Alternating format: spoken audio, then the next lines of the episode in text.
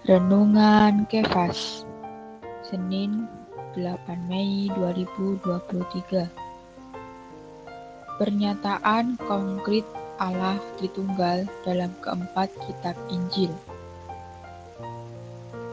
Efesus pasal 1 ayat 9 sampai 10 Sebab ia telah menyatakan rahasia kehendaknya kepada kita sesuai dengan rencana kerelaannya, yaitu rencana kerelaan yang dari semula telah ditetapkannya di dalam Kristus sebagai persiapan kegenapan waktu, untuk mempersatukan di dalam Kristus sebagai kepala segala sesuatu, baik yang di surga maupun yang di bumi. Perjanjian baru menyingkapkan kepada kita satu persona yang ajaib, Pertama disingkapkan dalam empat kitab Injil. Persona yang ajaib ini adalah Putra Allah. Kemudian, mulai dari kisah para rasul sampai Yudas. Dalam 22 kitab ini, dengan rinci menyingkapkan persona ini telah menjadi roh pemberi hayat Kemudian dalam kitab Wahyu, roh pemberi hayat ini diperkuat menjadi tujuh roh.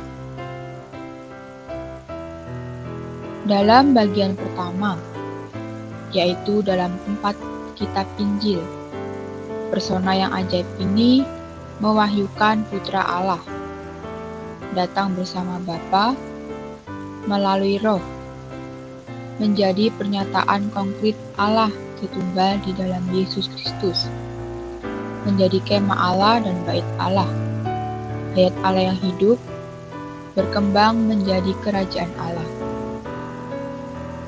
Ini ada di dalam kitab Injil sebagai permulaan.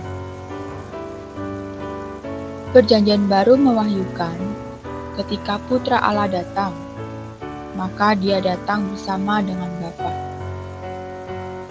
putra berkata, "Selama dia di atas bumi, dia tidak pernah sendirian, karena Bapa terus beserta dengannya.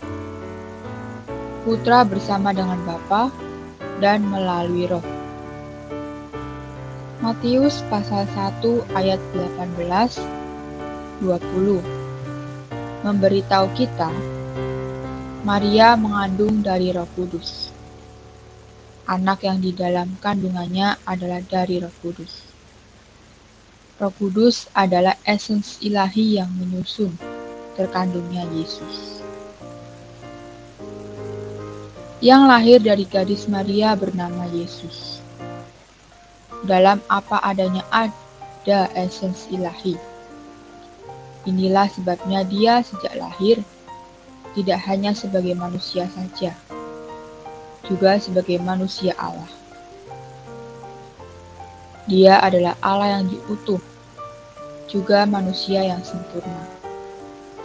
Karena dia disusun oleh esensi ilahi.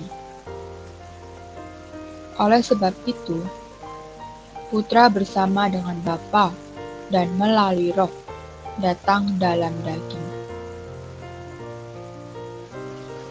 Sobat Kefas, Putra datang bersama Bapa dan melalui Roh. Adalah pernyataan konkret Allah Tritunggal. Ia ini adalah Allah Tritunggal yang terwujud dengan konkret. Jangan mengira putra bisa berdiri sendiri, meninggalkan Bapa atau Roh. Menurut wahyu yang lengkap dalam Alkitab, Bapa, Putra, dan Roh, dari kekekalan yang lampau sampai kekekalan yang akan datang, ada dalam waktu yang bersamaan dan saling ini. Secara serentak, ketiganya ada pada waktu yang sama dan saling ada di dalam masing-masing persona. Tuhan Yesus memberitahu Filipus dia di dalam Bapa, di dalam Dia. Ini adalah saling ini. Untuk membuktikan tiga persona ini berada dalam waktu yang bersamaan itu sangat mudah. Namun, untuk membuktikan tiga persona ini saling bumi sangatlah sulit. Ajaib sekali, ketiga kealahan ini dari kekal sampai kekal ada pada waktu yang bersamaan dan saling bumi. Poin penting, satu, pernyataan Allah Tritunggal dalam kitab Injil yang merupakan permulaan. Dua, Putra bersama dengan Bapa melalui roh. Tiga, perwujudan Allah Tritunggal di dalam Kristus Yesus menjadi kemah Allah, menjadi bait Allah. Empat, hayat Allah yang hidup berkembang menjadi kerajaan Allah. Mari berdoa. Tuhan, buka mataku agar aku tidak memandang Engkau hanya sebagai satu tokoh dalam sejarah. Tidak hanya sebagai Yesus orang Nazaret, tetapi memandangmu sebagai pernyataan konkret Allah Tritunggal. Aku bersyukur hari ini ada bagian di dalammu. Aku bersyukur atas bagian yang khusus ini bisa mendapatkan berkat bersatu dengan Allah.